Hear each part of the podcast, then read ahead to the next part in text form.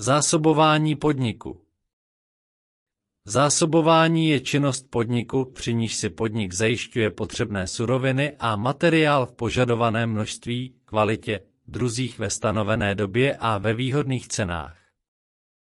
Tyto suroviny a materiál používá pro svou činnost. Podnik by si měl vytvářet optimální zásobu, která by mu zajistila plynulý chod podniku. Ve většině našich podniků zatím existuje velká nevýhoda, že není možné zajistit plynulé dodávky materiálu přímo do výroby. Proto součástí zásobovací činnosti je skladování materiálu. Metoda JAS in Time z Japonska, kdy dodavatelé musí s předstihem přesně vědět, co a kolik mají vyrábět a odběratel musí přesně dodržovat časový postup výroby. Do zásobovací činnosti patří Za prvé Zjišťování potřeby materiálu a volba dodavatele. Za druhé Jednání s dodavateli, uzavírání kupních smluv. Za třetí Zajišťování dodávek, příjem materiálu na sklad, kontrola materiálu. Za čtvrté Sladování materiálu a výdej do spotřeby. Sladování představuje činnosti, při nichž se hmotné statky soustředují na určitém místě a ve stanoveném množství a připravují se pro další činnosti. Výdej do spotřeby u materiálových zásob, další zpracování u nedokončené výroby a polotovaru vlastní výroby a prodej u výrobků. Při skladování musí být dodrženy určité podmínky, které vyplývají z povahy zásob. Sklady A otevřené ohrazený prostor zboží, které nepodléhá vlivům vnějších činitelů. Za B polootevřené nebo polokryté přístřešek, zboží, kterému nevadí snížena teplota, vlhkost.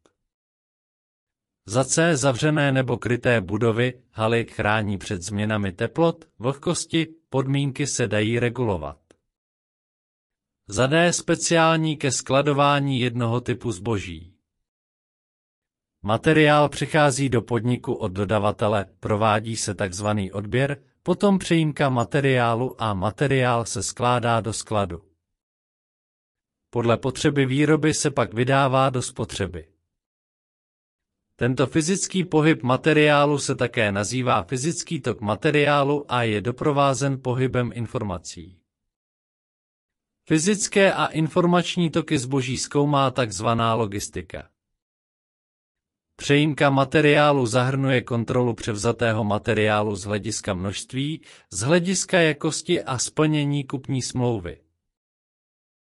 Při převzetí materiálu na sklad vystavuje skladník, který materiál přebírá, příjemku, to jest doklad o převzetí materiálu na sklad.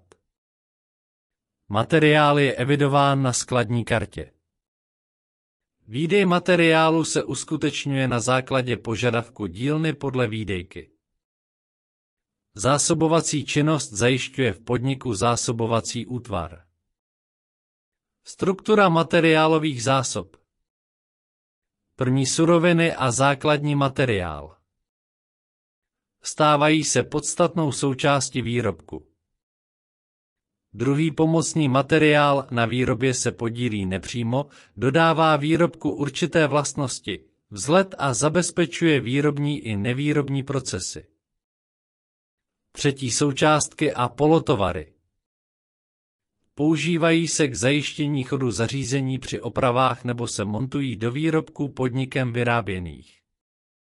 Čtvrté palivo a pohonné hmoty. Páté obaly. Slouží k balení výrobků na cestě ke spotřebiteli. Sté drobné a krátkodobé předměty.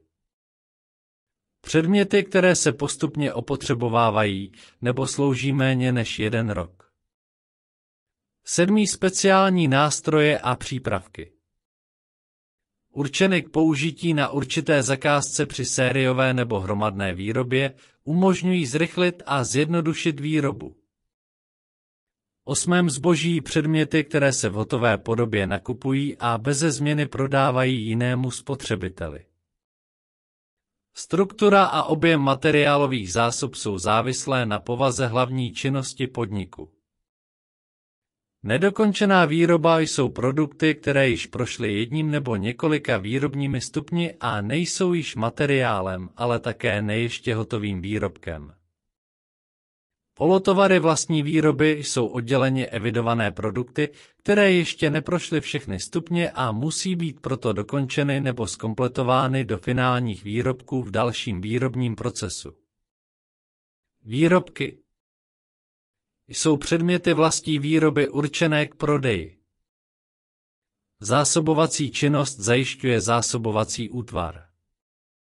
Marketingový útvar Marketingový útvar se zabývá průzkumem trhu materiálu a surovin a na základě získaných poznatků ovlivňuje hlavní činnost podniku tak, aby byly uspokojovány potřeby zákazníků s přihlédnutím k možnostem podniku získat potřebné materiály.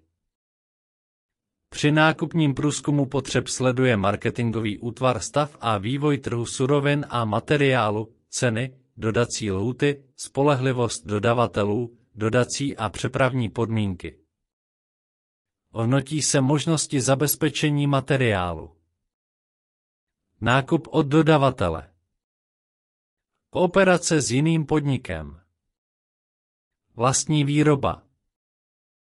Marketingový útvar musí zajistit vhodné dodavatele, kteří nejlépe uspokojí potřeby podniku. Dodavatelé se hodnotí podle Kvality dodávaných materiálů. Ceny. Spolehlivosti dodávek.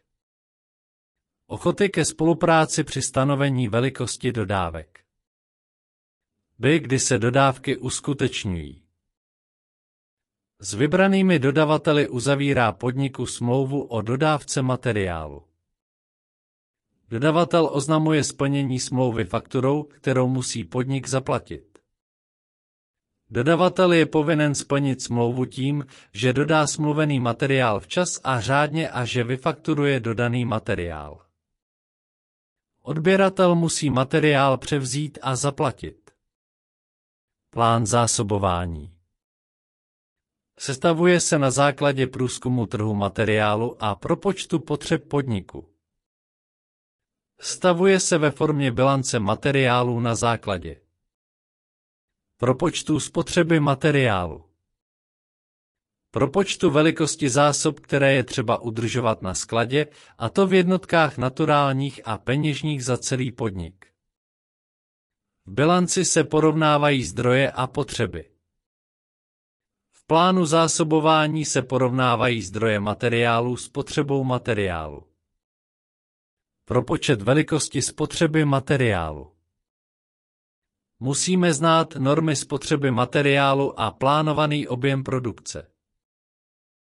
Normy spotřeby materiálu na jednotku produkce propočítává podnik pro druhy materiálových zásob, které se nejvíce podílejí na spotřebě.